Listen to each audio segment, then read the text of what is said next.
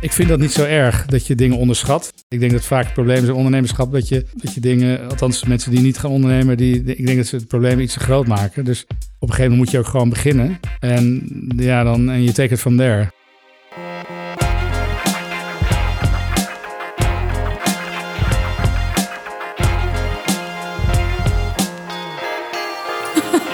This is the brief. Hallo en welkom bij de Brief, de podcast over content, marketing en media. Vandaag is het 1 mei 2018. Dat betekent dat u luistert naar afleveringetje nummer 37. Uh, vandaag, als we dit opnemen, is het dus dinsdagavond. Het begint langzaamaan een heel klein beetje lekker weer te worden. Vandaag was het heel druilerig. Laten we hopen dat het het laatste verschrikkelijke nawinterdagje was. Dat gezegd, hè, aan mijn linkerhand, mijn vaste co-host, vriend, eindelijk weer dat warme gezicht en het dito stemgeluid. Mede vader Matthijs Stielman. Hallo. Hoe is het met je? Moe, maar gelukkig.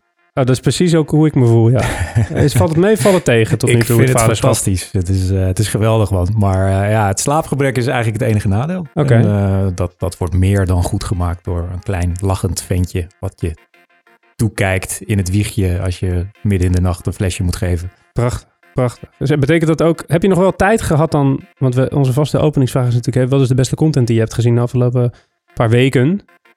Betekent, heb je nog wat tijd gehad om iets te zien of zit je gewoon echt tot de oren in de poepluiers? Nou, gelukkig slaapt hij 15 uur per dag. Dus uh, ik had aardig wat tijd. Dus dat, ik, ik hoor van iedereen dat dat heel snel veel minder gaat worden. Maar nee, ik heb wel aardig wat dingen kunnen kijken. Vertel. Ik heb zelfs twee dingen meegenomen vandaag. De eerste is uh, ja, wederom een podcast. En daarom heb ik eigenlijk ook twee meegenomen, omdat het altijd over podcast gaat in favoriete, favoriete content. Uh, maar deze kon ik niet laten liggen. Dat is uh, Caliphate. Dat is een nieuwe podcast van de New York Times. Uh, dat gaat over kalifaat, ISIS, de opkomst daarvan, hoe het allemaal werkt. En dat is zo fantastisch gemaakt. Uh, de journalist, ik ga haar naam even oplezen, Rukmini Kalimachi. Die um, is helemaal ondergedoken in de wereld van, van ISIS. spreekt met Canadese recruits die daadwerkelijk afreizen naar, naar Irak en Syrië om daar te vechten gaat zelf naar Mosul en, en dat soort dingen. Ja, het is, het is fascinerend. Het is niet leuk om te horen, want er zitten echt heftige dingen in. Maar het is zo mooi gemaakt dat uh, ja, dit moet je gaan luisteren. En heel vet bijkomend ding is dat de New York Times voor het eerst experimenteert met uh, een betaalde podcast. Dus als jij een abonnement hebt op de New York Times, mag jij als eerste die afleveringen luisteren. Dus dat uh, vond ik heel tof. Een uh, mooi experiment. de haalbaarheid daarvan kunnen we lang en kort over discussiëren met apps en, en dat soort dingen. Wat nog niet helemaal werkt, maar het feit dat ze het omarmen uh, is gewoon heel tof. Tof. Caliphate. Ja, ga het luisteren. En je had nog een ding. Ja, de tweede is eigenlijk een, een ouderwetse content marketing case die ik tegenkwam. Dat is uh, IQ Magazine. Dat is een, een online magazine van uh, Intel. een digitaal tech culture magazine. Is gelanceerd in 2012 alweer. En dat is feitelijk een magazine wat focust op het raakvlak tussen technologie en mensen. Um, en dat doen ze echt heel goed. Uh, experts van binnen Intel, partnerbedrijven van Intel en experts van buiten die verzorgen de content. Dus het is heel mooi. Het gaat ook over een heel breed scala aan onderwerpen met altijd als gemene deler technology. Um, ja, en dat, dat is gewoon mooie content. Ze maken het zelf en ze cureren content van, van andere kanalen en schrijvers. Um, maar wat ook heel tof is, is het verhaal daarachter. Namelijk dat ze um, eerst intern onderzoek hebben gedaan. Wat vinden onze engineers en de mensen die bij Intel nou leuk? Wat delen zij op social media? Daar hebben ze een, een algoritmetje voor gebouwd die dat is gaan scrapen. Op basis daarvan zijn ze achter onderwerpen gekomen en die hebben ze gebruikt om het magazine te lanceren. Um, dus dat was een hele mooie launch. en vervolgens hebben ze dat verder doorgetrokken. En dat doen ze dus nu nog steeds op basis van hun lezers. Dus de onderwerpen ja, worden ook aangepast op basis van wat mensen leuk vinden. Dus AI is nu bijvoorbeeld een onderwerp wat heel hard gaat. En uh, ja, dat, dat omarmen ze dan op die titel ook. Uh, dus dat is heel tof om te zien. Um, inmiddels bereiken ze uh, eh, 3 miljoen unieke bezoekers per maand. Uh, zijn in 18 talen, of in ieder geval in 18 landen zijn ze actief. Dus uh, ja, super mooie case op het gebied van content marketing. In de show notes. Yes. Le le lees, je het, ga, lees je het zelf nou ook? Of is het echt gewoon veel te, te tough shit om... Beetje... Mijn, mijn RSS-feed zit al een beetje te vol, zeg maar. Het maar... cryptisch? Nee, hè? Nee. dat gezegd hebben Aan mijn rechterhand zit zoals altijd de gast, zoals ook deze keer richting 2006 Excite TV op heet inmiddels Excite Networks, weet ik. Founder en CEO Dirk Nijssen. Yes. Hoe is het met je? Goed. Ik, uh, ja. ik, ik weet, ik hoorde net in de wandelgangen uh, dat wij aan het mooie lijstje landen waar jullie niet in actief zijn, Nederland, België, Duitsland, Canada en Qatar, wellicht ook een land gaan toevoegen. Ja, uh, vertel. Dus, dus, de timing van deze podcast is fantastisch, want ik kan vertellen dat we morgen na een, denk wel, traject, in ieder geval vijf jaar lang kutviolen in, eh, in, in, in, in, in Amerika alles proberen, gaan we eindelijk live met de zender. Tof. En wanneer gaat het gebeuren? Morgen. Oh, morgen gaat het ook daadwerkelijk live. Ja. Wauw. Tof. Ja, dus... eh, Waarom duurt het zo lang dan? Ja, nou ja, goed. Kijk, als je. Ik, ik denk dat op het moment dat je. Voor veel bedrijven, zoals ook voor Excite, is Nederland eigenlijk wel een beetje te klein. Dus wij als Nederlandse ondernemers worden, denk ik al vrij snel. Eh, eigenlijk verplicht om over de grens te kijken. En dan in onze wereld, de mediawereld, tech-mediawereld, dan is toch eigenlijk de US wel de holy grail. Dus vijf jaar geleden, zes jaar geleden hadden we al zoiets van, nou ja goed, we hebben nu een paar landen. Zullen we eens kijken naar de US? Maar toen werkelijk, dat was bijna als een soort Forrest Gump. eh, van laten we eens kijken wat we daar Wat, kunnen daar, doen. wat daar te doen is. En het is ook wel belangrijk, denk ik, dat je een bepaalde level van naïviteit, dat je aan dit soort eh, avonturen begint. Als je weet hoe moeilijk het is, dan, nou ik weet het niet hoor, maar dan ben je misschien iets minder geneigd om daar eh, vol overgave in te stappen. Ja. Maar dat hebben we wel gedaan, gelukkig. En uiteindelijk is het, waarom is het moeilijk? Ja, kijk, eh, een aantal clichés, een aantal hele specifieke dingen. Clichés als in, eh hoe de fuck is Excite hè, in de US? Waarom hebben we dat niet zelf hier in de US? Wat, dragen jullie, wat, wat voegen jullie toe aan wat we al hebben? Eh, je moet ook gewoon ingangen hebben en dan vervolgens, maar dat, dat konden die, die stappen konden we eigenlijk vrij snel gelukkig doorlopen. En dan is het meer een kwestie van, ja, dan moet je dus dealen met grote operators. En dat zijn toch vaak grote bedrijven met lange processen over dit soort dingen. En kijk, wij proberen natuurlijk als een soort eh, Europese partij proberen we in te breken in een markt die in Amerika, dat is eigenlijk een soort oligopolie. Dus het is een hele grote markt met een klein aantal partijen die daar eh, de dienst uitmaken. En dan proberen wij als soort independent tussen te komen, wat super tof is. En heel gaaf en ook nodig, vind ik. Maar dat moet je dan natuurlijk ook... daar moeten zij het ook wel mee eens zijn. Ja. Ja. Eh, en en eh, ik vond het... eh, Qatar is natuurlijk wel een beetje een soort van eh, vreemde in dat hele lijstje. Wat, wat, Ja. lu- wat luisteren ze in Qatar? Wat zie ik als ik daar eh Excite eh, op zet? Nou, kijk, eh, in Qatar kun je je voorstellen dat ze daar wel wat regels hebben rondom eh, eh, wat, je, wat je ziet. Maar daar hebben we wel eh, samen met een, een, een advocaat iets op gevonden. Het is een soort opt-in. Dus als je naar de zender gaat, je stemt af op de zender, dan moet je eerst okéen voor explicit content. Ah, Dus, eh, dus, eh, en voor de rest is het dus eigenlijk gewoon best wel een soort van reguliere... eh, ja, het is eigenlijk geen zender, maar het is een app eh, die, eh, die zij te zien krijgen. Met best wel wat explicit dingen ook, althans in hun ogen. Dus blote armen is al explicit natuurlijk. Eh, dus ja, dat, dat zie je. Je ziet wel eigenlijk best wel een normale excite. en een, en een hoop regionale muziekvideo's ook, denk Ja. ik. Heel veel, dus daar hebben we heel veel in geïnvesteerd. Ja, snap ik. India, dus Bollywood is daar ook heel succesvol. Dus daar, daar moesten we echt wel even aan klussen. Ja. Maar we hebben nu gewoon een Bollywood channel daar draaien in de app. Eh, dus dat is best wel lachen. Luister je, wat, wat luister je zelf? Bollywood? Eh, ben je, heb je ook een soort eh, passie voor Bollywood ontdekt? Nee, dankzij nee, die... Ik ben ik best wel een. Ik, ik ben 49, dus ben niet meer super jong. Geen millennial meer. En ik heb denk ik best wel een soort van standaard smaak. Mijn gevoelige leeftijd was de 80 jaren. Dus als je tiener bent.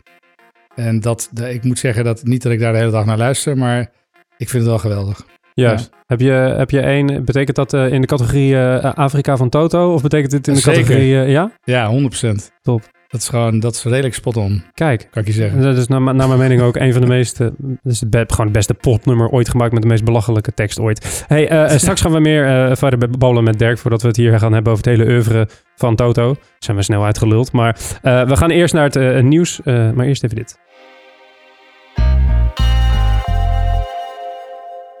Zijn we weer terug in de studio. Zoals u van ons gewend bent, bespreken we altijd eh, drie nieuwsitems in de brief die de media- en contentwereld in zijn of haar ban hebben gehouden. En we beginnen met een podcast-gerelateerd nieuwtje. Hadden we al een tijdje niet gehad, hè Matthijs? Nee. Nee, we hebben het normaal altijd over Facebook. Nou, nu gaan we het niet hebben over Facebook. Over dat andere grote, grote eh, eh, techbedrijf, Google. Want die gaan doen voor Android met podcasts... wat Apple eh, eh, met hun eh, eh, app heeft gedaan voor podcasts op iOS. In andere woorden, ze gaan podcasts groot maken. Naar hun eigen zeggen binnen een paar jaar twee keer zo groot maken... dan dat het nu is. Dus de luistercijfers twee keer zo groot maken. Hoe dan, hoor ik u denken.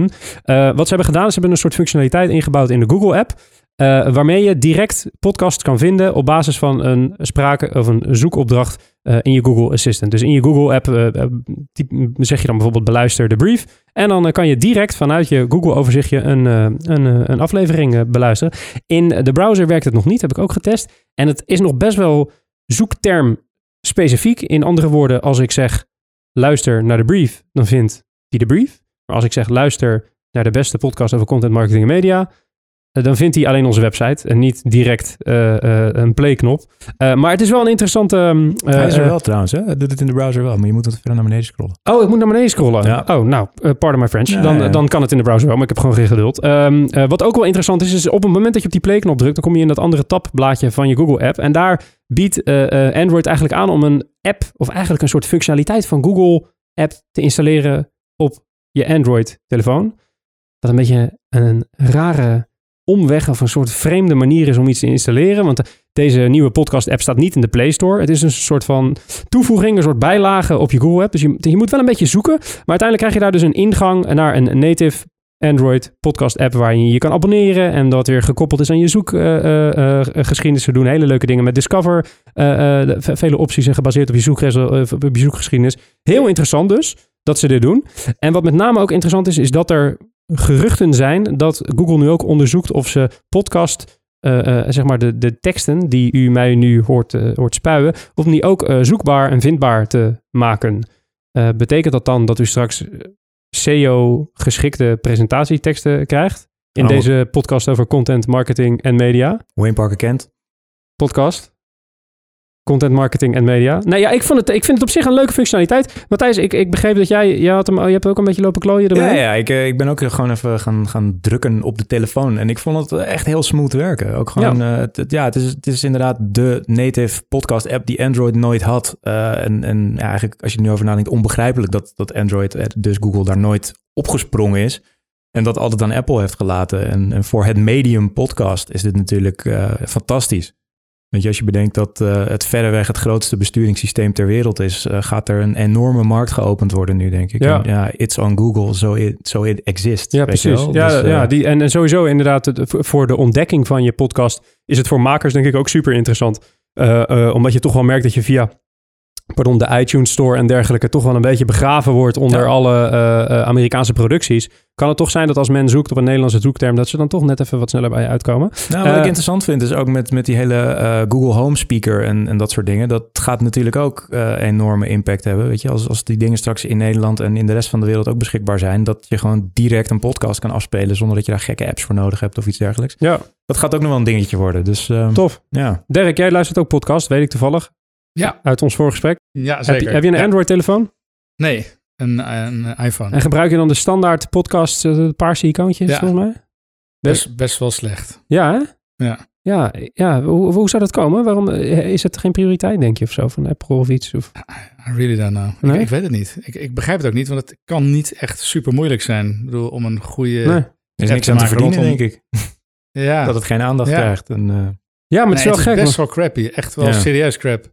Maar het is best wel gek, want ze hebben zelf natuurlijk ook de meest populaire infrastructuur voor podcast of distributie eh, voor podcast bedacht. Althans, het is niet letterlijk de distributie, maar eigenlijk het portaal waardoor het heen gaat, de iTunes Store. Daardoor, hebben gewoon het idee ook, eh, de naam bijna ook eh, bedacht, maar het is, ze hebben er toch niet echt een appje voor gevonden waardoor het allemaal lekker, eh, Nee. eh, lekker af te luisteren valt. We gaan het een mooi brugje naar Apple, want eh, Ja. ons tweede nieuwsitem weet ik, Matthijs, gaat over Apple, hè? Yes, dat is een bericht wat wij vonden op eh, The Guardian in Engeland. En dat is dat Apple eh Condé Nast eh, al dan niet gaat overnemen. Het is nog een rumor wat rondgaat, maar het gaat best wel sterk rond. Ehm, ja, de uitgeverij van onder andere Wired, Vogue, Glamour en GQ. Gewoon het, het instituut van uitgeverijen. eh, Daar gaat het al een tijdje niet zo best. Ehm, en Apple is natuurlijk al jaren bezig met, met content. Ehm, dat begon met Apple Music, maar ze hebben inmiddels ook eh, notoire programma's als Planet, Planet of the Apps en eh, Carpool Karaoke. Oh, Hebben ze gelanceerd. die eerste is slecht, hè? Dat, apps. ja, ja, ja, ik moet eerlijk toegeven dat ik het nooit heb ge- gezien. Puur vanwege de reviews. Ehm, ja, dus we zijn heel erg bezig. Maar de, belangrijkste is hier denk ik Apple News. Dat is de nieuws-app die Apple heeft. Eh, helaas ook alleen in Amerika eh, nog beschikbaar. Of in ieder geval niet in, in Nederland slash Europa. Ehm, ja, en, en als je daaraan denkt, is het best wel logisch dat ze dat gaan doen. Ehm, ook kijkende naar de budgetten van Apple. Ik heb even opgezocht wat ze de afgelopen jaren hebben uitgegeven aan unieke content. Dat was in eh, 2017 was dat slechts 500 miljoen dollar. Eh, dit jaar is dat 1 miljard dollar. En in 2022 eh, gaan ze waarschijnlijk 4,2 miljard dollar uitgeven aan uniek voor Apple geproduceerde content. Eh, heftig, ehm, maar als je naar het speelveld kijkt, valt dat best wel weer mee. Netflix geeft bijvoorbeeld dit jaar 6,8 miljard dollar uit aan unieke Ja, content. die gaan iets van 86 films maken of zoiets Ja, het is Ja. idioot wat daar uitgegeven wordt. Dus dit is wel het speelveld waar, waar het gebeurt. Althans, volgens Big Tech. Ehm, ja, en dit is natuurlijk de strijd tegen Netflix, Amazon, Spotify. ehm, al die, die dingen. En, en de kracht die Apple heeft op dit moment is dat ze natuurlijk... En ze hebben muziek. En ze hebben straks eh, video. Eh, Dat hebben ze eigenlijk al. Ze hebben al films natuurlijk eh, uniek beschikbaar via iTunes. En dan straks dus ook nog de kwaliteitscontent van een Wired en een Vogue en, en dat soort dingen. Ja, als je dan dat allemaal ontsluit in een pakketje voor 15 euro per maand, dan ehm, ja, ga je toch serieus twijfelen aan al die losse abonnementen die je nu hebt. Dus- Lekker, lekker bundelen weer. Ja, Lekker man.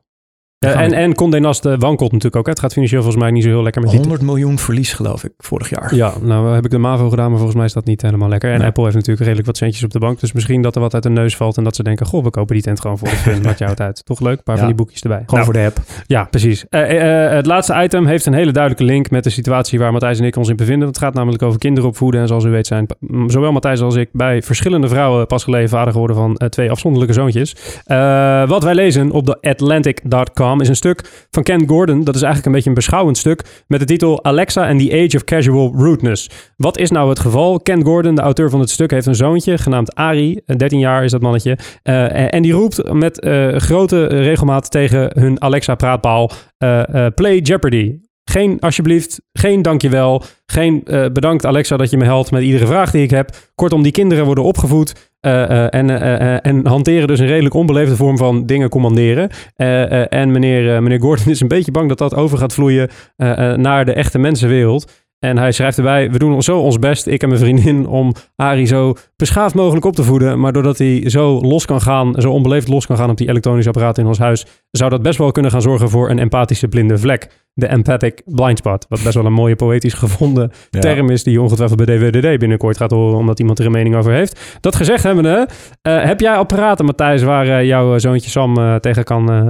Eh, ja, Siri is in huis. Google Assistant is in huis. Eh, smart speakers vond ik op de een of andere manier nog een beetje intrusive. Dus ehm, heb ik niet in huis nog. Maar aan de andere kant bedenk ik me nu... als ik Siri en Google Assistant gewoon via telefoons in de woonkamer heb liggen... is mijn privacy eh, ver te zoeken, denk ik. Dus, ja. ehm, Maak je je druk om dit probleem of is het gewoon een geestige beschouwing?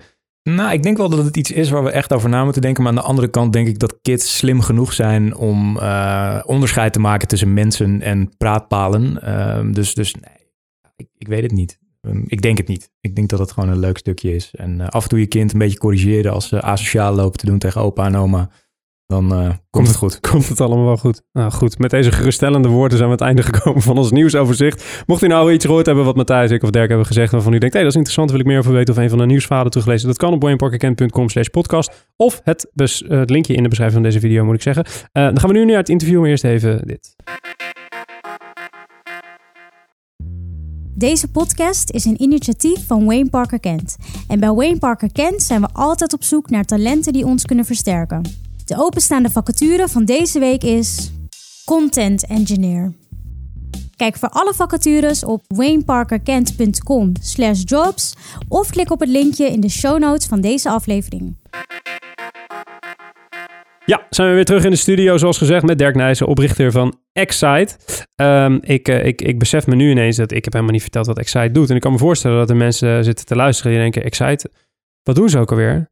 Ja. Dirk, wat, wat doet Excite? Leg eens uit. We hebben een heel eh, leuk eh, muziekvideo service, channel, kanaal. Dus we altijd een beetje uitzoeken hoe we het nou precies, wat voor naam het geven. Per land is het ook anders. In de, in de Verenigde Staten noemen we het een music video service. Eh, waarbij mensen naar, in plaats van dat ze zoals vroeger naar MTV keken en dat ze gewoon voorgeschoteld krijgen wat MTV bepaalt, kijken ze nog steeds naar een televisie. We, richten ons wel heel erg op het grote scherm. Eh, en dan kunnen ze muziekvideo's zien, maar dan eh, gepersonaliseerd. Oké. En, en ik, ik las in een interviewtje van een tijdje geleden dat je zei... bij Excite is het verboden om te zeggen dat het bedrijf een tv-zender is. Is dat verboden omdat je in al die markten wat anders doet? Of is het verboden omdat je... Nou, omdat het vaak een beetje de verkeerde associatie heeft. Eh, zeker op het moment dat wij proberen geld te verdienen, een deal te doen met een operator, dan wil je eigenlijk niet in het bakje terechtkomen van tv-kanalen, want daar wordt over het algemeen niet heel veel geld meer aan uitgegeven. Nee. Dus eh, we willen ook niet een app heten, want aan apps wordt vaak ook niet eens veel geld uitgegeven, want dat is allemaal, allemaal gratis, toch? Ja. Dus eh, daarom proberen we een beetje onze eigen eh, naam. Kijk, platform is ook zo lelijk. Dus service, nou, service in Nederland heeft denk ik een andere betekenis dan in de US. Nou goed, zo zitten we af en toe een beetje te worstelen. En we hebben eigenlijk nog steeds niet het juiste woord gevonden. Dat is een Nee. beetje raar na al die jaren. Nou, nee, ik, ik denk Ja. dat wij bij Wayne Parker Kent heel goed weten wat je bedoelt. Want wij zijn een soort van uitgeverij, een soort van bureau. We zijn een soort van een development partij. Ja, Onze introductie eh, eh, in presentaties duurt vaak even lang als het idee zelf. Ehm, ehm, eh, als, je, als je ons terugneemt naar wanneer je Excite oprichtte, zo'n twaalf jaar, 12 jaar geleden alweer. ja na tien. Het is tien jaar geleden zijn we op een week na gestart met uitzenden in ah, Nederland. oké. Ja. Hoe zag, het, hoe zag het, het landschap er toen uit? Nou ja, het landschap was eh, even het muziekvideolandschap. Het tv-landschap, muziekvideo, tv-landschap was eigenlijk voor een deel zoals het nu nog steeds is op televisie. En dat is dat een aantal MTV-kanalen en soms aangevuld met wat lokale kanalen een dominante positie heeft op de televisie. Dat wordt dan op een lineaire manier uitgespeeld. Dus met andere woorden, van het is een muziektelevisiezender. Dus wat ik net al zei, is waarbij gewoon eigenlijk eh, iedereen hetzelfde zit te kijken. En that's it. Eh, en toen was het naar mijn idee al duidelijk dat het eigenlijk wel een hele andere kant op ging. Want dan, we praten dus ook over een tijd dat Spotify al net aan het beginnen was. Op het gebied van audio, we hebben het niet over video. En eigenlijk hebben wij toen een beetje geprobeerd om een Spotify voor muziekvideo's te, te ontwikkelen. Wat zijn de, de, de uitdagingen waar je toen tegenaan liep? Dat was denk ik ook een beetje de tijd dat gewone MTV eh, zei... we doen geen muziek meer. Eh, Ja, nou ja, dat was alleen maar goed voor ons natuurlijk, omdat we daarmee, eh, dat, dat was ook eigenlijk wel een gat in de markt. Eh, het gat was dus dat Viacom of MTV was een beetje aan het weggaan van, eh, van muziekvideo's. En daar sprongen we eigenlijk in. Waarom, wat een essentiële vraag is eigenlijk van waarom, waarom ging Viacom weg uit die hoek? En dat was eigenlijk het, dat had te maken met het probleem van lineaire televisie. Dus de kans, dus als iedereen naar dezelfde clips gaat kijken, de kans dat iemand een clip voorgeschoten krijgt die die niet leuk vindt, is, nou ja, ik zou zeggen, meer dan 50% misschien wel. Ehm, dus kijktijden waren kort, 6, 7, 8 minuten per sessie. Nou, op televisie is dat te weinig. En, en Viacom is er heel succesvol in geweest om dat naar, I don't know, 20, 30 minuten te krijgen, maar door longform te doen. En daarmee hebben ze eigenlijk afstand genomen van hun heritage. Overigens, hun echte heritage was kids, niet eens zozeer muziek. Dus Nickelodeon was eerder ah ja, tuurlijk. dan ja. MTV. Ja. Hè, de MTV was eigenlijk een uurtje op Nickelodeon. Het is grappig, hè, als je dat bedenkt. Ja, inderdaad.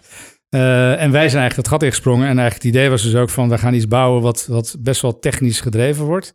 Eh, maar wat, wat gebruik maakt van de technologie die op dat moment al beschikbaar was. Daar waren jullie En- toen al helemaal mee bezig met die on-demand. En, eh, Wat natuurlijk uiteindelijk heel erg tegenviel, is wat er uiteindelijk mogelijk is op de boxen van de operator. Hè, dus wel best wel wilde ideeën. En eigenlijk het product wat we nu hebben, Personalized Music Television van Excite, eh, eigenlijk was vlaggenschip product, wat we nu aan het verkopen zijn. Nou, dat had ik stiekem wel een beetje in mijn gedachten tien jaar geleden. Maar dat, daar heb je, dus, heb je dus heel veel tijd voor nodig. A, om Ja. dat te ontwikkelen, maar ook om de, de stand van technologie bij de operator, waar we aan verkopen eigenlijk, ja. om die op een bepaald level te krijgen. Was dat ook meteen je... eh, iets- Had je dat onderschat van tevoren? Dacht je van, oké, dat, dat druk ik er wel even doorheen. Of ik bedenk dit, het revolutionaire gedachte. En dan kom je daar terecht Ja. en dan blijkt dat je met Ja, de maar moet... eh, dat- dat- ja, ik vind dat niet zo erg dat je dingen onderschat.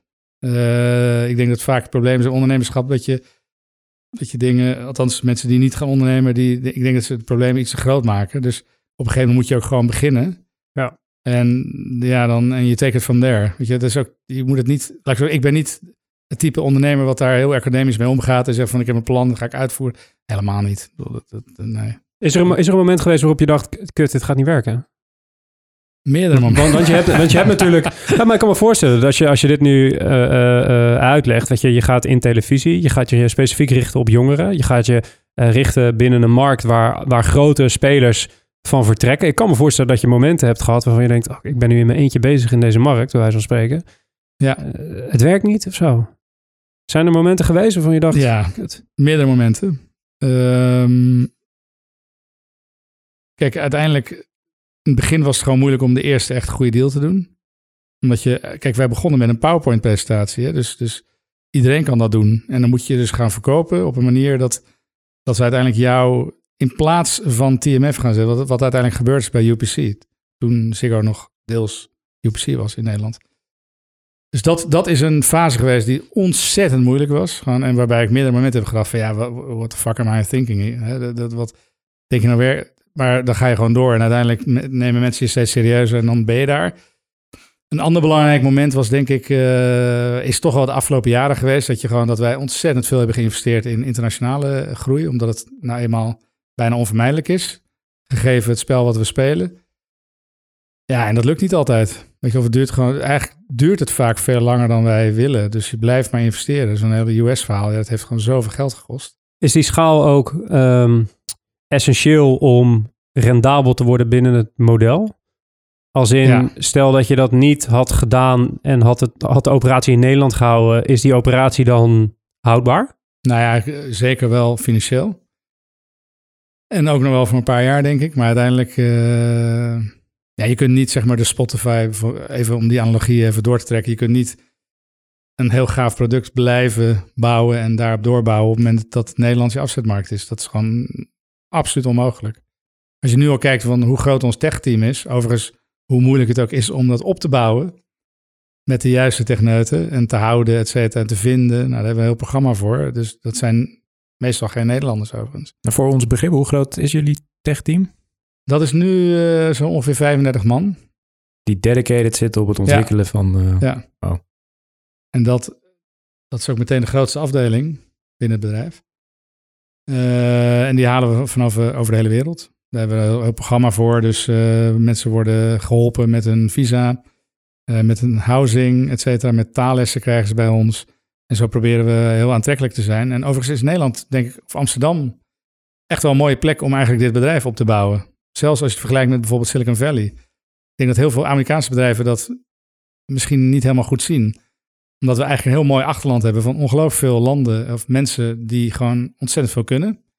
Eh, waar, maar waar vaak niet helemaal de economische mogelijkheden zijn. Dus die kijken dan echt wel naar landen en steden als Amsterdam.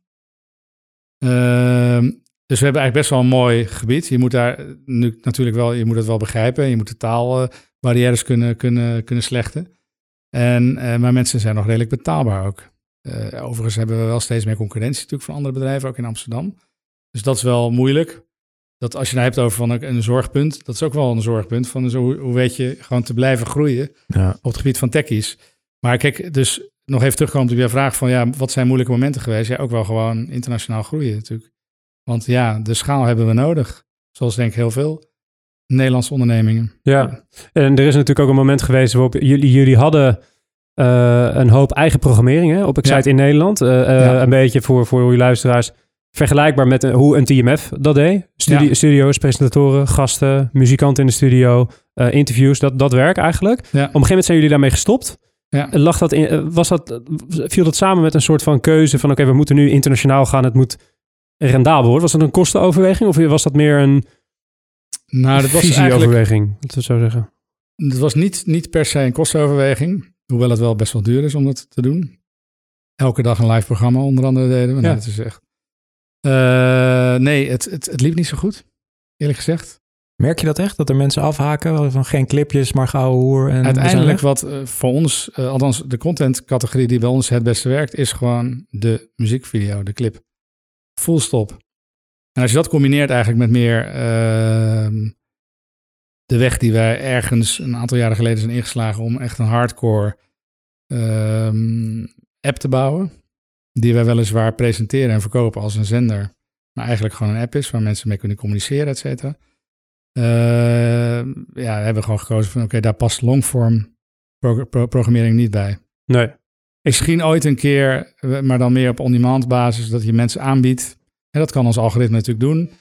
Die kan jou iets aanbieden uiteindelijk van wil je een diepte interview hebben met, I don't know, Avicii. Ja. Eh, en dan kan je dat gewoon skippen als je het niet leuk vindt of je kunt het kijken. Dat, dat zie ik nog wel eens. Maar op dit moment is alle focus eigenlijk op internationale groei en op gewoon de kern van ons product. En dat is gewoon een goede interface voor een persoonlijke interface waarbij mensen op via het grote scherm muziekvideo's kunnen consumeren. En, en welke rol speelt bijvoorbeeld een, uh, een Nederlands YouTube-kanaal wat jullie hebben bijvoorbeeld in die hele mix? Want die doen eigenlijk wel content maken die... Nou, het is geen longform obviously, want het is YouTube, dus het is zeven minuutjes, acht minuutjes. Uh, Leeuw Kleine interviewt uh, 50 Cent. 50 ja. Cent ook volgens mij zitten kijken. Ja, dat, zal, dat zal zeker aanvankelijk niet de strategie zijn in grote landen als US nee. of UK. En is dat, is dat nu in Nederland een soort branding tool dan voor je merknaam? Is dat het? Ja, omdat we gewoon daar in Nederland zijn we gewoon verder in de lifecycle. Mm -hmm. En zullen, moeten we voor elke 100.000 extra kijkers moeten we, moeten we heel hard strijden. En uh, moet je dus op andere manieren op zoek gaan naar de connectie met je, met je kijker. Dan puur dan alleen een goede app hebben en, en, uh, en goede content. Ja. Hè? Dus de, de muziekvideo's. En hoe, hoe controleer je, is er, is er een manier om te controleren hoeveel mensen er van zo'n YouTube kanaal daadwerkelijk transfereren richting een televisiekijker?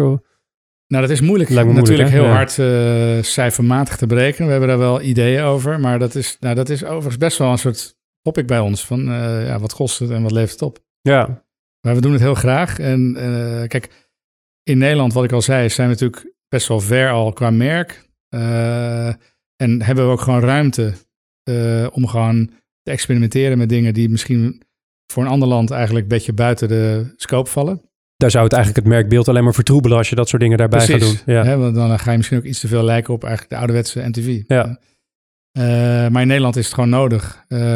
Niet alleen om eigenlijk mensen een soort op een wat diepere manier een binding met je merk te laten krijgen, maar ook uh, voor ons is ook heel belangrijk, kun je je voorstellen, de, zeg maar de relatie met de artiest. en dat is in Nederland best wel een klein wereldje. En mensen, dus de Leeuw Kleine, et cetera, van Nederland, die moeten gewoon ons super tof vinden. En dat, uh, dat zorgt ook weer voor kijkers. Zorgt dat we, dat we ze op de Excite Awards krijgen, et cetera, et cetera. Ja, zijn er andere soort van sleutel... Je moet dus vriendjes worden met artiest, laten we het zo even noemen. Zijn er andere soort van uh, sleutelhandelingen die je moet uitvoeren... om zo'n solide jongere merk te worden? Zijn er dingen ja. waar je moet letten? Nou, voor ons, wat ontzettend belangrijk is in ons businessmodel... is niet alleen goede deals met operators. Dus wij zitten eigenlijk een beetje... in ons model is, heeft twee kanten... Aan de ene kant van het model verkopen wij onze service of app aan operators in verschillende landen. Operators zoals in Nederland Ziggo is, maar in Amerika is het Comcast, et cetera. Uh, dus mensen die uh, tv-aanbod, bundel, Juist. in de markt zetten.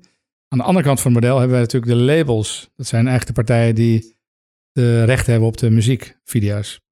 En die moeten wij aan onze kant hebben, want op het moment dat wij geen deal hebben met bijvoorbeeld Universal, dan kun je 30% van de artiesten, eigenlijk de video's van artiesten niet draaien. Kun je ons eens uitleggen hoe, dat, hoe die business werkt? Zeg maar, als je begint bij de, bij de, de Comcasts van deze wereld. Ja. Uh, hoe ziet zo'n deal eruit, zeg maar, van, van de zender tot de artiest? Ja, nou, dat zijn wel een paar smaken te onderscheiden. Maar eigenlijk, uh, als je kijkt naar de, zeg maar, de meest dominante smaak die we op dit moment in de markt hebben staan, dat is eigenlijk dat de Comcast die uh, gaat dan ons product distribueren in een pakket. En hoop, meestal proberen we dat het basispakket te laten zijn, want dat is het grootst. um, en per, en dan is er een afspraak dat zij een license fee, dus een uh, licentievergoeding, aan ons betalen per huishouden. Dus zij hebben dan 10 miljoen huishoudens en dan betalen ze ons 10 miljoen keer een paar cent. En dat zijn onze inkomsten. En dan vervolgens, wat moeten we allemaal van, van die inkomsten betalen? Nou, belangrijkste kostenpost is eigenlijk de, dat zijn de artiesten, eigenlijk via de platenlabels. En daar betalen we ongeveer de helft, uh, gaat naar de platenlabels toe. En dan hebben we nog wat publishing, wat andere rechten rondom die artiesten. Uh, dat is vrij ingewikkeld. Schimmige mannen met stropdassen nou, nee, pakken. Nee, dat is helemaal niet schimmig, maar het is wel best wel complex. Ja. Uh, en elk land is weer net even anders. Maar er zijn nog wat andere partijen die mee eten aan de rechterkant. Nou, en dan hebben we natuurlijk, uh, dan moeten we ons bedrijf financieren, in technologie investeren.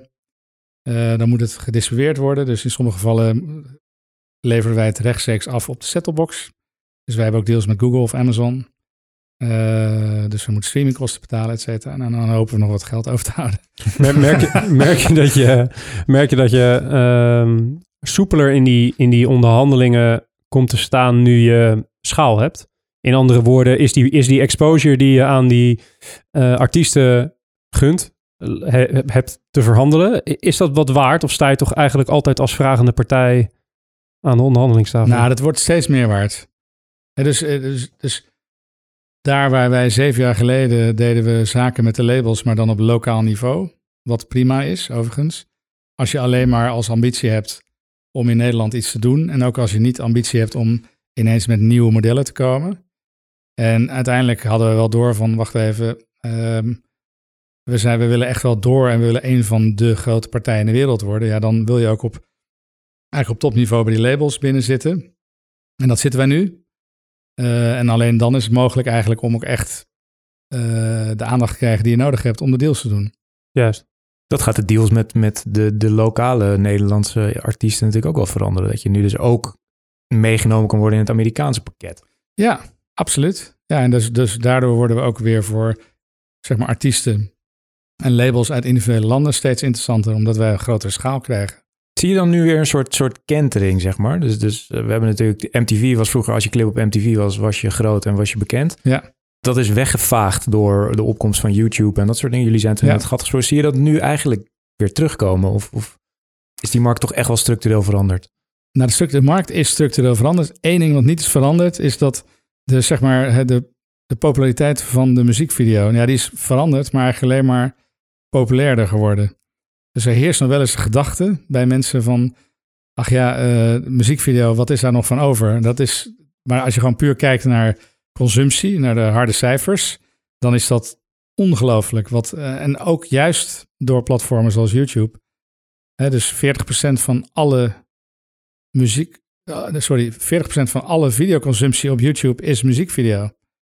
Dus dat is gewoon bizar. Dus je zou bijna kunnen zeggen dat YouTube eigenlijk een muziekplatform is. Ja, ja. ja, ja, Ja. Het is ook bij die overzichten hebben ze ook altijd het overzichtje van de meest populaire video's en dan het overzichtje waar alle muziekvideo's dan uit zijn gefilterd. Ja, nee, heel ander overzicht. Heel ander overzicht. Ja, Want je top ziet 10 is gewoon muziekvideo. alleen maar video. Ja, Ja. en, en met name dat kanaal eh, Vivo, wat volgens mij ook van, Ja. van de publisher zelf is. Ja, eh, eh, van is de labels. Van de labels, ja, is, is gigantisch groot. Eh, ehm, eh, heb je, dat zijn de mensen met wie jij de onderhandelingen doet voor de rechten, toch? Als ik me niet vergis. Ja, dat klopt. Ja, dat, dat, dat, dat heb je goed gezien. Dus dat, dat kijk, Vivo is, is onze concurrent. Ja, En die is, eh, zeg maar, eigendom van Vivo ligt deels bij een deel van de labels. Eh, dus er zijn twee grote labels die ook eigenaar zijn in Vivo. Maar kijk, eh, kijk Vivo die is, kijk, wij hebben wel eigenlijk, het zou ook raar zijn als ik dat niet zou zeggen, maar kijk, wij bedienen een volledig andere doelgroep en een andere, ons businessmodel is anders, ons product is anders. Kijk, Vivo is eigenlijk niks meer dan een, een muziekvideo-afdeling binnen YouTube. Hè, dus op het moment dat je op YouTube zoekt naar een muziekvideo, dan krijg je een redirect naar Vivo. En daar, dus ze hebben eigenlijk een beetje hun eigen tuin gecreëerd binnen YouTube, waar zij de labels, maar ook met Google en er zitten paar andere aandeelhouders in, hun, eh, zeg maar, het product muziekvideo exploiteren. Wat wij bouwen is eigenlijk een standalone app of service of channel. app slash service slash channel. Ik ga nu, ik, ik- nu ik dit zo zeg, denk ik van ik ga er echt een keer een ei over leggen. Ja, dan moet, ja, moet toch over gebrainstormd Ja, worden. Heeft u een goed idee, mail ons. Ja, precies, ja. Eh, kijk, wat wij doen is wij hebben een, zeg maar een, een standalone product. Wat wij aan operators aanbieden, de- waarbij eh, zeg maar het product A is gewoon alleen maar muziekvideo, punt. En niet eh ander soort video's. A. Maar nog veel belangrijker, B, is dat het een, eh, een interactief product is wat ook echt gemaakt is voor consumptie via televisie. En dat zie je natuurlijk bij heel veel apps die ook nu op televisie worden aangeboden, helemaal niet zo zijn. Ja. Hè, dat zijn gewoon dingen die worden gepoord eh, voor consumptie op de televisie. Ik denk dat het over tien jaar wel anders is. Maar heel veel, eh, heel veel dingen zijn gewoon absoluut crap. Voor, eh, niet, totaal niet geschikt voor televisie. En de- denk je ook dat die aanpassing van die technische applicaties, of waarschijnlijk dan de toestroom van technische applicaties op die televisie ook een soort van de, eh, maar de, de sleutel gaat zijn om jongeren weer meer naar de televisie te laten kijken? Ja. Vinden ze het nu gewoon een achterhaald apparaat? Is, is Ja. dat een beetje wa- waar, waar je... Dat is het. Ja, met een achterhaald apparaat, maar ook wel met achterhaalde kanalen, eerlijk gezegd. Met achterhaalde UI's. Het gaat dus En, niet zozeer om, om Het hele het ecosysteem apparaat is. Ja. Ik bedoel, dit, ik moet uitkijken wat ik zeg, want dat zijn ook onze klanten. Maar even, kijk, Ja. nee, nee, maar kijk, dat, dat is ook wel eigenlijk een beetje hetgeen wat wij proberen te brengen in een, in een relatie eh, met een operator. het Van, Je wil scherm- millennials terug en je wil interactief product, je wil meer engagement op je platform, je wil, ehm, eh, je wil iets anders dan al die lineaire zenders. Ja, da- daar, daar zijn wij onder andere voor in de markt. Ja, want leg, want leg eens uit, van, eh, eh, je noemde het al een aantal keren, jullie nieuwe product, wat volgens mij vorig jaar september of oktober gelanceerd is, hè, om, Ja. om erbij. Ja, personalized music televisie. television. Ja. Eh, leg eens uit. Ik zit voor de televisie. Ja. Ik kom op de zender eh, eh, waar ik Excite heb staan, bij Ziggo. Ik weet even niet wa- waar die staat. Ja, 25? of kanaal 25. 25, hè? ja. Eh, ik kom daar, wat zie ik? Nou, je ziet iets wat lijkt op een lineaire zender. Dus het gaat meteen spelen. Het heeft een logo bovenin. En dan op een gegeven moment merk je dat die zender met jou gaat proberen te communiceren. Dus in het geval van Ziggo is dat je moet even nog oké drukken om eigenlijk te kunnen communiceren. Maar in andere landen hoef je dat niet meer.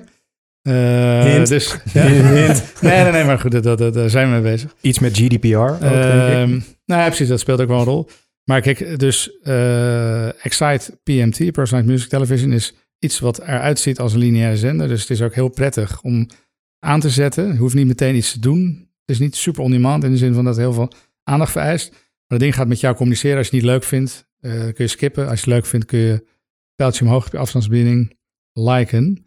En op dat op het eerste moment dat jij, laat ik zo zeggen, vanaf het moment dat je één handeling hebt verricht op die zender, dan merkt de kijker dus van wacht even, dat, ik kan het gewoon bedienen eigenlijk. Ik, ik kan hiermee communiceren, wat natuurlijk best wel wat nieuw is hè, in Ja. heel veel opzichten. En op dat moment kijk je eigenlijk naar een andere excite dan jouw buurman of buurvrouw. En zo kun je, dat is, dit is de makkelijkste manier om het te personaliseren. Je kunt ook een stap dieper gaan. Dan kan je, krijg je allemaal gecureerde channels die je ook weer kunt liken en skippen. Je kunt, eh, we hebben een functionaliteit die heet Mixer. En bij Mixer kun je zeggen van ik wil eh, video's uit een bepaald era. En ik heb- ben in een bepaalde stemming, een mood. En ik wil alleen maar dit en dat zien. Eh, en zo kan je eigenlijk je selectie maken. En dan druk je op start. En dan begint eigenlijk je eigen zender te spelen op basis van je selectie. En, en, en Excite onthoudt dus ook Ja, die... eh, zitten er profielen aan gekoppeld? Dus als ik met mijn zusje zit te kijken, zit ik dan ineens naar eh, K3? Terwijl ik- Is K3 er nog? Ik weet het niet eens. Ja? Ik, ja, ja. ik weet het niet. Maar die, eh, daar ben ik een beetje uit. Mijn kinderen zijn wat ouder. Ehm, nee, kijk, je kunt eh, een beetje analoog gaan wat Netflix doet. Je kunt tot vijf eh, profielen per huishouden Ah, ja. gaan. Oké. Mm. Dus, dus je kunt gewoon je eigen profiel aan. En elke keer op het moment dat jij eh, die televisie aanzet, dan, dan, eh, dan wordt log je in via je profiel. Of er is gewoon een default profiel. En, ehm, en dan weten we wie je bent. En dan begint het weer van vooraf aan. Ja. En jullie weten dan wie je bent, Ja. wat je zegt. Eh, dat vinden adverteerders ook wel interessant, denk ik. Ja, dus vandaar ook zijn we eigenlijk met een soort van wereldprimeur begonnen. Om op een online manier advertising mogelijk te maken op een lineaire zender. Eh, en dat loopt eigenlijk heel erg goed. Hoe kopen ze dat in? Gaat Ja. dat gewoon via een mediabureau? Of, of doe Kan. je eigenlijk Kan, wat YouTube ook doet? Gewoon kan, beide. Dat, dat doen we beide op alle manieren eigenlijk. Dus als je, je serveert dan een soort van programmatic ingekochte Ja. posities uit in, Ja. in je ogenschijnlijk lineaire televisie Precies, kanaal, wat het niet is. wat het niet is. Precies, dat is het. Maar Ja. dat, dat moeten Ja. mediabureaus dan specifiek voor jullie doen? Of ben je ingehaakt op een wat grotere techniek die dat eh, op allerlei Wij doen dit kanalen samen met? SpotX. Ah ja. En die, eh, ja, die, die, die, eh, die hebben ook eh, de juiste manier om zeg maar eigenlijk in te tappen, to tap in. Ja, hoe zeggen we het eigenlijk? Om, om eigenlijk het advertentiegeld naar ons toe te trekken. En dat gaat op verschillende manieren. Het gaat gewoon deal by deal, maar ook gewoon bij, met, met, met gewoon ehm, platforms waarbij mensen gewoon een groter, grote hoeveelheden bereik inkopen. En wij zijn er één van. En doe je dat dan puur op basis van eh, kijkgedrag? Dus iemand die veel eh, R&B luistert, heeft een bepaald profiel... versus iemand die heel veel jaren tachtig eh, rock luistert? Of, of... Nu nog niet, maar dat is zeker wel de nabije toekomst. Dat daar meerdere datalagen aan toe worden gevoegd. Zoals, Onze, ja, we hebben een heel datateam. Dus kijk, we- iedereen, wij ook, begrijpt, begrijpen dat data heel belangrijk is. En dat je heel veel dingen mee kunt doen. En je product onder andere verbeteren. Eh, en, maar uiteraard ook, dat kun je ook exporteren. Eh, of in ieder geval, je kunt daarmee gewoon je advertising veel functioneler maken voor een adverteerder. Dus daarmee hopen we dan uiteindelijk weer gewoon de, zeg maar de CPM's, de tarieven omhoog te krijgen, je fill-rate omhoog.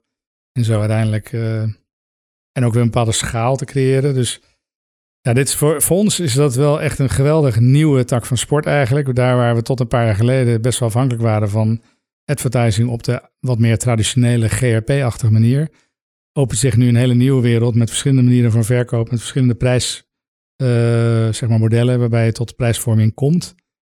Eh, en in, in de Verenigde Staten en ook een aantal andere landen waar we nu gaan beginnen, dat drijft puur op die vorm van advertising. Hoe kijkt de rest van, van televisie eh, Nederland slash de wereld naar jullie? Want het is best wel een innovatief product. Zit er niet watertanden te kijken naar deze technologie? Ja, nou, dat, weet- ik niet.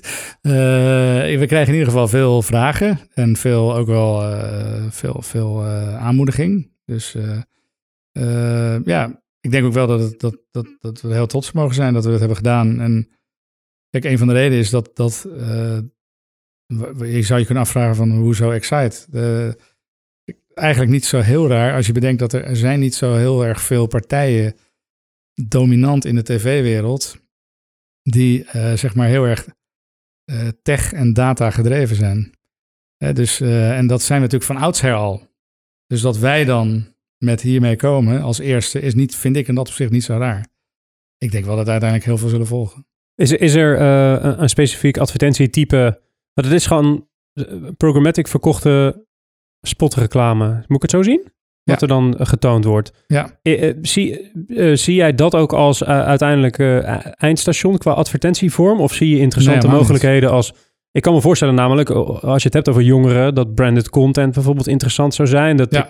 dat Excite wellicht zelf advertentieproducties gaat draaien... omdat je veel weet van de doelgroep, et Nou, zover weet ik niet of we zullen gaan. Branded content is, is zeker ook belangrijk. Dat, dat, daar zijn we al best wel actief ook in. Maar denk ook bijvoorbeeld aan ontwikkelingen op het gebied van... eh, op, op twee gebieden eigenlijk. Eén is, eh, we willen veel meer doen dan de 30 seconden spot... die nu dominant is op televisie. Want we begrijpen ook wel dat het dat door middel van 6 seconden en 10 en 15... ik bedoel, daarin veel flexibeler zijn. Denk ik dat je gewoon veel meer... of dat veel interessanter kan worden. Niet alleen voor de adverteerder, maar ook voor de kijker. Eh, en dat dus, dus de, de duur is denk ik belangrijk, maar ook de wijze waarop je ze aanbiedt. Dus wij hebben een algoritme ontwikkeld waarbij we niet standaard zeggen van eh, we hebben reclameblokken en die laten we zien nadat jij, ik noem even wat, een minuut hebt gekeken. Want wij weten bijvoorbeeld dat jij vaak afhaakt na zoveel seconden en dan is het beter. Of dat jij bijvoorbeeld altijd afhaakt bij het starten van reclames. Nou, dan zou je bijvoorbeeld kunnen overwegen om die kennis eh, te gebruiken en zeggen van dan gaan we op jou op een andere manier, zeg maar, laten wennen in deze sessie aan ads. Nou, zo kun je natuurlijk on, je kunt eh, oneindig ver doorgaan in het ontwikkelen van algoritmes rondom hoe krijg ik uiteindelijk toch ehm, een optimum bereik ik tussen wat ik aan ads, wat, hoe, hoeveel geld ik wil verdienen aan ads. Aan de ene kant. En aan de andere kant van dat mensen ook leuk vinden om naar Excite te Ja, blijven dat het kijken. daadwerkelijk nog wel een beetje eh, watchable eh, Ja. b- blijft. En, En, en, dat is natuurlijk nu totaal niet het geval. Het is gewoon heel zeer statisch. 30 seconden spots in blokken. Punt. ja, ja, en dat is een soort van het ironische aan het... Of tenminste, dat geeft ook de potentie volgens mij van de techniek aan. Is dat je, je koppelt nu eigenlijk een oude advertentievorm aan een hele geavanceerde distributiemethode. Waar je eigenlijk nog een stap verder wil gaan. Dat is, nou, ik, Ja. snap wel, ik snap wel wat je daar bedoelt. En, en zie je ook mogelijkheden in eh, advertentieproposities verwerken eh, in de content. Dus stel een, ehm, nou, laten we zeggen, Bacardi eh, lanceert een nieuwe rum.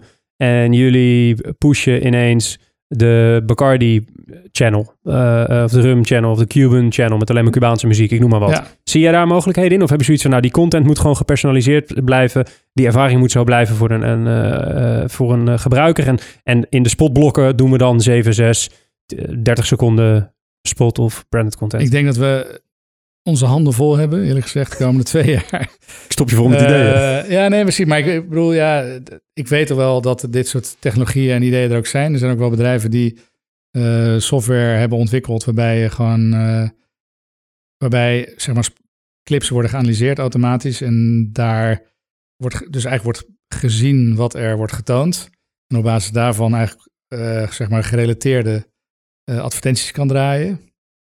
Klinkt een beetje vaag, maar stel dat je heel veel sportschoenen hebt in een muziekvideo, dan zou je kunnen denken van, "Goh, misschien is dat wel leuk voor een adverteerder in die, in die sector. Nou, dat is er. Maar eh, laat ik zo zeggen, ik denk dat wij nog een hele weg te gaan hebben om gewoon heel succesvol te zijn met spots op een juiste manier, een juiste timing uit te serveren. En dan zeg maar van een variabele grootte. Dat, Ja. dat- En zie je, zie je eh, ook mogelijkheden, want eh, eigenlijk zei je net van de, de, de module die we nu hebben, be- nou module, techniek die we nu hebben gebouwd is helemaal bedoeld voor televisie. Bedoeld voor het grote scherm. Eh, maar als ik het zo hoor, denk ik, dat zou als digitale, eh, als digitaal product ook wel lekker kunnen bedoel je werken. met digitaal? Nou, dat je het eh uitserveert in een webomgeving. Ja, dat- accessible via ja. je browser. Weet je wel, net zoals dat je nu... Dat, dat, dat doen we wel. En, en dat, dat dus ook in de nieuwe landen zijn we sowieso op elk scherm te bekijken. Ook via je eigen profiel. Oké, Maar uiteindelijk zeggen wij, we zijn eigenlijk TV first. In plaats van mobile first. Hè, wat je veel bedrijven hoort zeggen. Dus ons product is vooral geschikt om te consumeren op het grote scherm. En we willen daarnaast mensen ook de gelegenheid bieden om op hun mobiel eigenlijk naar muziek, muziekvideo's te kijken op basis van hun eigen eh, al bekende profiel. Eh, en dat, dat is gewoon een, een duidelijke keuze, omdat ik ook denk dat daar een grote lacune is in de markt. ja, ja, het is een gat. Ja. Ja. En eh, eh, wat zie je als, als een volgende horde die je moet nemen om, ik zei het, nog groter te maken? Los van nieuwe markten die je wil. Nieuwe Eh, markten en ook nieuwe modellen. Hè? Dus, dus wij, wij gaan nu een stap zetten, zeer waarschijnlijk. althans, ik hoop binnen niet al, al te afzienbare tijd dat we ook echt naar over de top gaan. Dus dan gaan we dus niet ons product verkopen aan partijen die een bundel hebben, zoals Ziggo of Comcast. Maar dan gaan we naar partijen die geen bundel hebben, maar wel een tv-product aanbieden. Dus dan heb ik het bijvoorbeeld over Roku of Amazon Fire of Apple TV. Ah, oké. Ja. Ja. Dus dat je gewoon je Apple TV aanzet en daar een Zie blok ziet staan. staan. Net als dat, ik, dat je nu de Netflix-app ziet, zie je dan Excite staan en daar wil, je het, wil je het aan. eh, En dat betekent voor ons een grote verandering op twee gebieden. A is dat we met andere businessmodellen moeten gaan komen. Want we kunnen niet meer die fee per, per sub eh, krijgen. Dus denk dan bijvoorbeeld aan freemium-achtige modellen. Eh, en, en het tweede is dat we dat ook moeten regelen met de labels. en, dat, en dat laatste, als ik, zo, als ik het zo hoor, wordt de grootste hoorde. Nee, nee, dat valt er mee hoor. Want, want eh, labels die. Er zijn niet, wij hebben niet zoveel concurrentie. Dat is heel eh, opvallend, vind ik. Maar Dus ook in de Verenigde Staten. Er zijn eigenlijk nauwelijks partijen die op deze schaal en op dit niveau eigenlijk een muziekvideo service dienstkanaal eh exploiteren. Is, is dat omdat de expertise er niet zit? Is dat omdat ze toch wel geld verdienen aan alle andere kanten? Waardoor, waardoor komt dat, denk je? Ik denk dat veel partijen die van oudsher in het tv-domein actief waren, die hebben een andere afslag genomen. Dan is er een hele nieuwe breed gekomen en dat is eigenlijk eh, de audiopartijen. En die hebben vooralsnog niet video omarmd. Ehm, ja, dan. Ja, dat, dat, dat is het eigenlijk. Laat ik zo zeggen. En, en dan is er overigens wel de afgelopen tien jaar dat wij bestaan. Is er gewoon ongelooflijk veel ondernemerschap en, eh, en investeringen gegaan in partijen die in ons veld eh, actief werden eh, online. Dus mensen hebben heel snel gedacht van als ik nou, ik wil een gaaf muziekvideodienst starten, ja, wat ga ik doen? Ga ik dat, ga ik dat op een, achter een URL zetten of ga ik dat proberen te bundelen en te verkopen aan Ziggo? Dan, kijk, als je er voor de makkelijke weg gaat, dan doe je het eerste. Ja. Alleen uiteindelijk hebben wij voor de moeilijke weg gekozen en uiteindelijk wel, denk ik, achteraf gezien, makkelijk, hindsight, een veel betere optie. Ja, nee, wat, wat volgens mij eh, heel vaak de overweging is om het niet te doen, is omdat er geen bereik zit en daar stopt de discussie. Ja, Terwijl jullie er gewoon een, een technische oplossing voor dat. Een, een technische oplossing hebben bedacht, waardoor eh, dat Ja. bereiksprobleem hopelijk wordt opgelost. Ja. Dat is een hele andere manier van naar kijken. Dat is best een interessante.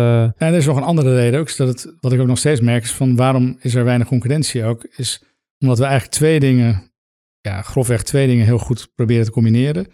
We zijn een technologiebedrijf en we zijn een rechtenbedrijf. Dus je ziet soms, we hebben natuurlijk best wel wat concurrentie op het gebied van technologie. Er zijn best wel wat partijen die dat prima al hebben of zouden kunnen bouwen, als je daar maar genoeg tijd en geld in stopt. Maar, eh, en Dan moet je nog met de stropdas eh, richting de rechten. ja, precies. En, dan, deals. en, en Ja. dan is het ook niet echt twee dingen die los van elkaar kunnen opereren. Het is gewoon een super diepe integratie van die twee samen. hè. Dus als wij ergens een functionaliteit bouwen, dan moeten we ook altijd afvragen, hebben we daarvoor de rechten voor deze specifieke functionaliteit? Zo niet, hoe krijgen we dat? Zonder veel te, te veel te, meer te betalen, et cetera. Heb dat- je dan net zoveel legal mensen zitten als developers? Nee, nee, gelukkig niet. Nee. nee, maar we hebben wel, we hebben in Amerika hebben we een hele notoire eh, advocaat voor ons werken. Maar die is in, in onze wereld is die een soort halfgod. En wij mogen juist blij zijn dat hij voor ons werkt. Zo gaat het ongeveer. En dat, en dat zijn ook de type lawyers in de Verenigde Staten die ook gewoon echt dealmaker zijn. Dus die, eh, die, die gaan heel ver. De Saul Goodmans van, eh, van de muziekindustrie. hey Dirk, we hebben altijd een vaste afsluitende eh, vraag van het interview. Dat is de beste content. Wat is de beste content die je eh, de afgelopen tijd hebt gezien? Dat mag bijvoorbeeld een muziekvideo zijn. Hoeft natuurlijk niet, maar... Ja, nee. ehm, ja. Nee, kijk, ik, ik heb laatst iets gezien op Netflix waarvan ik echt helemaal. echt. mi- ik vond het mindblowing. Dat was ehm, eh, een documentaire Wild Wild Country. Ik weet niet of je het hebt gezien over de Bachwan. En dat is Ja. een zes uur durende documentaire, althans zes keer een uur. ja, het is fascinerend. En het is gewoon echt, maar ook niet alleen het verhaal, wat ik helemaal niet kende overigens. Het gaat over een stad eh, die wordt opgebouwd in Oregon in de jaren tachtig. Ja, een goede scriptschrijver had het niet kunnen bedenken. Niet kunnen Dat, eh, bedenken. en, maar ook de productie is zo ontzettend goed. Gewoon Ja. met oud materiaal. Echt, echt waanzinnig. Maar wat gaat, waar gaat het over? Ik ben helemaal... Ik, Het gaat over... nou, de- ik zit echt ja, zo van, precies. maar, maar wat is Ja, het dan? nee, je moet meteen kijken. Ja. Eh, het, het, het, misschien ken je de Bhagwan. Het was zo'n guru uit India in de jaren tachtig. Ja. En die had allemaal Ja. volgelingen in India. En die werd op een gegeven moment heeft hij besloten om... eh, hij had steeds meer Amerikanen die naar zijn compound kwamen in India. Hij dacht van, volgens mij kan ik je geld mee verdienen. Hij bleek achteraf bijzonder geïnteresseerd ook te zijn in geld.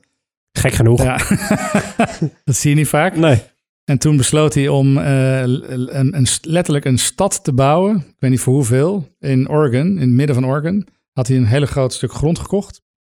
En daar wilde hij een stad bouwen voor tienduizenden mensen om daar te wonen. Dat is ook uiteindelijk gebeurd. Eh, maar die kwamen in onmin met de Amerikaanse regering en de omgeving. En die hebben gewoon bijna letterlijk oorlog gevoerd. Bomaanslagen. Ja, alles echt- eh, echt- vergiftigen van wa- drinkwater. eh, Helemaal zen. ja, Ja. Het, nee, het was echt het één groot slagveld. En wat me nog het meest opviel eigenlijk, even los van dat de productie helemaal top is. En het is zo'n verhaal van making a murder, weet je, je blijft erin hangen. Eh, hoe nog steeds, er worden mensen geïnterviewd vanuit die tijd, in het nu.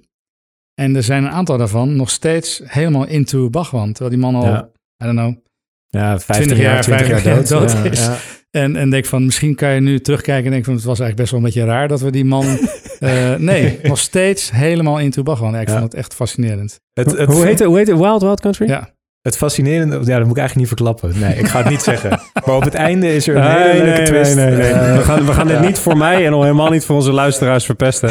Eh, eh, Dirk Nijssen van Excite, hartstikke bedankt voor je komst naar de studio. Dankjewel. Je moet, zo- dank je, moet straks de Amerikaanse werkdag in, hè, denk ik. Ja, precies. Ja. dus ik heb nog wat, wat belletjes. Never not no sleep. Oké, nou goed, kom snel een keer terug als je je volgende technologische innovatie hebt, eh, hebt bedacht.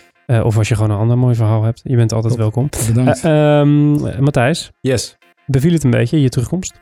Was Ja? leuk om er weer te zijn. Ja? Ja. Je, je, je bent nog wel fris, vind ik, voor iemand die eh, korte nachten maakt. Eh, ja, ja.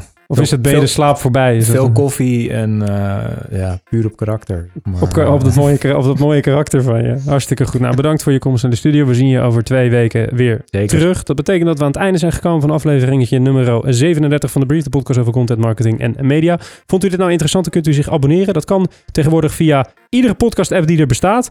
Inclusief dat hele rare functionaliteitje van Google, wat je nog na kan lezen in de show notes. Eh, de brief wordt zoals iedere aflevering gemaakt door Wayne Parker. Kent onze mediapartners en Adformatie en BNR Nieuwsradio. Productie wordt eh, zoals iedere aflevering gedaan door de onvolprezen Kevin Eiken. Die heeft geen microfoon, maar die gaat wel wat zeggen.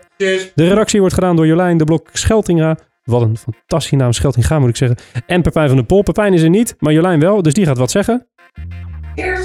En de volgende, af, de volgende aflevering is over twee weken. Wie te gast is dan, dat houden we nog eventjes geheim. Tot dan, tot over twee weken. Mijn naam was Mark Schoones. Tot de volgende keer.